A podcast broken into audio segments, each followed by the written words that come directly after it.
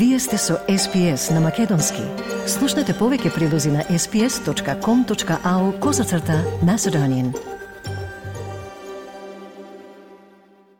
Во денешниот билтен, министерката за надворешни работи Пени Вонг пристигна во Пекинг пред состанокот со низиниот кинески колега. Најавена е истрага за постапките околу кривичниот случај на Британи Хигенс. Во моментов нема реална закана за безбедноста на државата, уверува министерката за одбрана на Македонија Славјанка Петровска.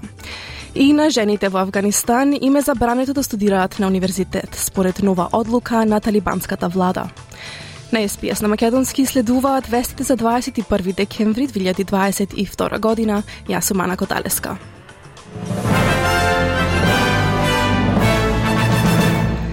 Министерката за надворешни работи Пени Вонг пристигна во Пекинг каде ќе присуствува на дипломатски состаноци со незиниот кинески колега. Тоа е прв пат во последните 4 години министер за надворешни работи да биде поканет во Пекинг на билатерални разговори. Во разговорите со незиниот кинески колега Вонг Ји, госпогица Вонг вели дека ќе изрази загриженост за човековите права во земјата. Таа исто така вели дека ќе изрази загриженост за случаите на новиот Ченг Лей и академикот Јенг Хен Джун, австралици кои моментно се во притвор во Кина. Трговските прашања сепак се очекува да бидат на врвот на агендата. Госпогица Вонг вели дека ќе се залага за укинување на трговските блокади кои Кина ги воведе во 2020 година. What I would say is what I've said to uh, Minister Wang Yi, uh, State Councillor Wang Yi. We believe it's in the interest of both countries for the trade impediments to be removed.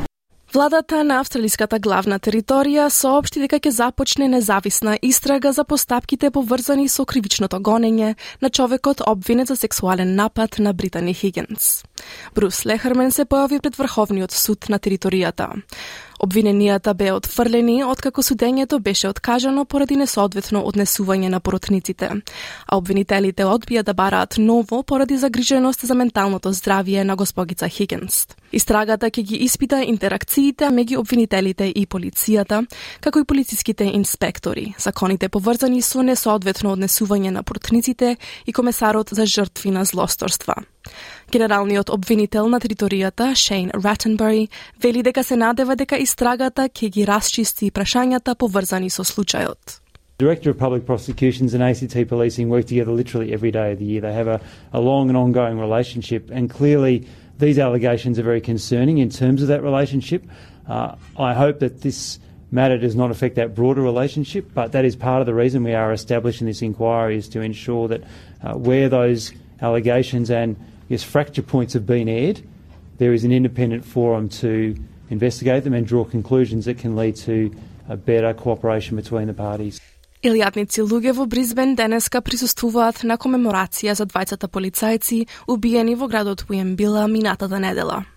Смртта на Матју Арнолд и Рейчел Макроу ќе биде одбележана со полициски почести, што ќе биде пренесувано во градовите околу Уембила. Уембила се наоѓа на околу 3 часа западно од Бризбен во регионот Western Downs. На денешната комеморација присуствува градоначалникот на Western Downs, Пол Маквей.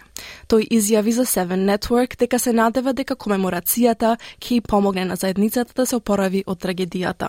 There's been so much grieving, and unfortunately, we do need to move on. And hopefully, today is a day that we can bid the best of condolences to the families of the victims, but also for our community to be able to grieve today, but also to realise the impact of a horrific event like this.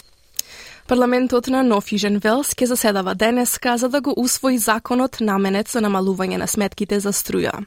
Законодавството усвоено на специјална седница на Сојузниот парламент минатата недела треба да биде поддржано во териториите и државите за целосно да стапи на сила има двопартиска поддршка за законодавството во Нов Южен Велс, кое и дозволува на владата да ги принуди компаниите за јаглен да ги ограничуваат цените на 125 долари на тон, а компаниите за газ на 12 долари за гигаджул.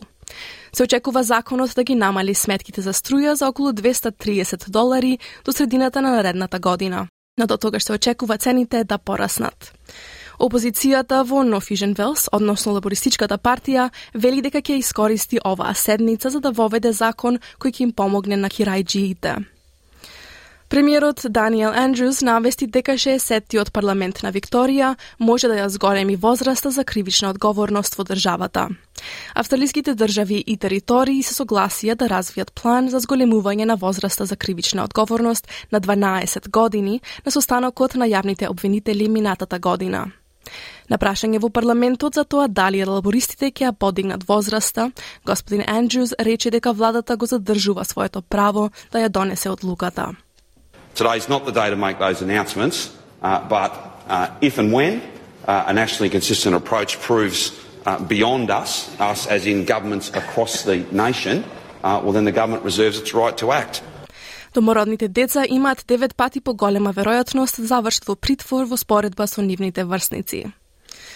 Загриженоста околу зголемените трошоци за живот може да промени колку и како австралиците ги трошат своите пари овој божик.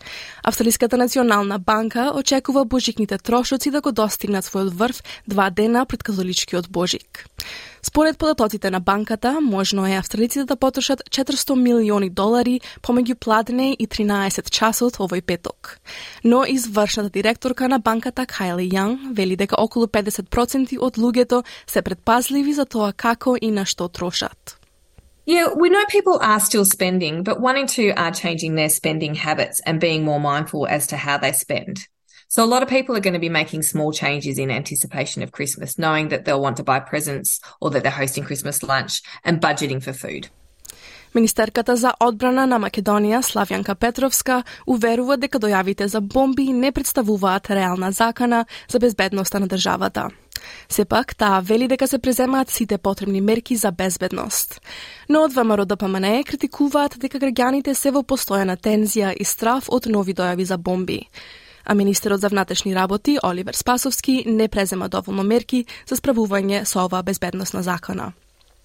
Воедно тие прашуваат и зошто не се побара помош и од партнерските земји. Покрај во Македонија, со најави за поставени бомби се соочуваат и земите во регионот, вклучително и Србија, Црнагора, Босна и Хрватска.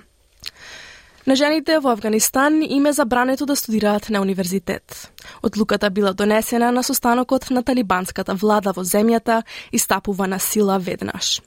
Ова е најновата во серија мерки преземени против учеството на жените во различни аспекти на обшеството од страна на талибанците.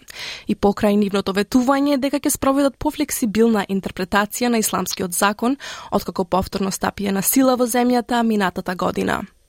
По наредба на талибанците, на жените им е забрането да посетуваат паркови, спортски сали, да студираат средно училиште и да се вработат во повеќето индустрии и мора да носат облека на јавни места кои ќе ги покрива од глава до пети. Забраната за универзитетско образование беше критикована од неколку земји во Обединетите нации.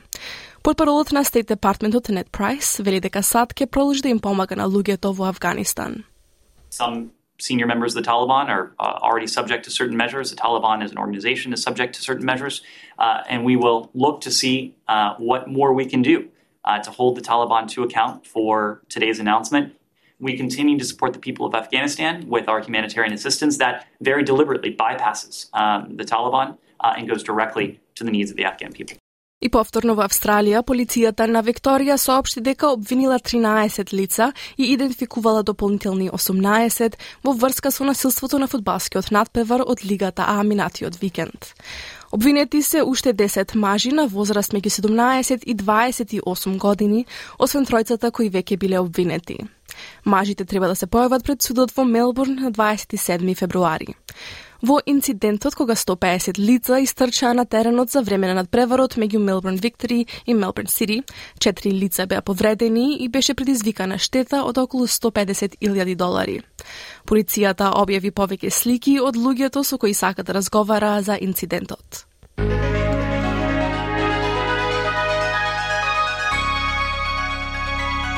Од најновата курсна листа денеска еден австралиски долар се менува за 0,63 евра, 0,67 американски долари и 38,63 македонски денари.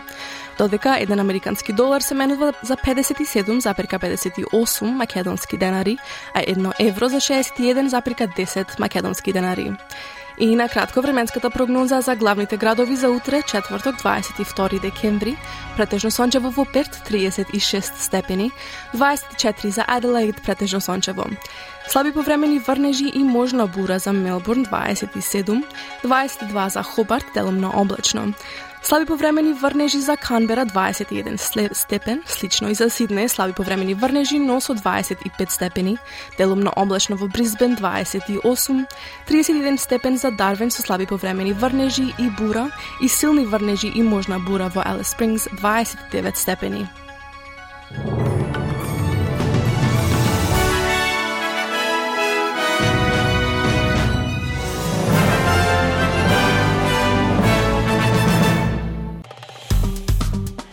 Стиснете, ми се допаѓа, споделете, коментирајте. Следете ја SPS на Македонски на Facebook.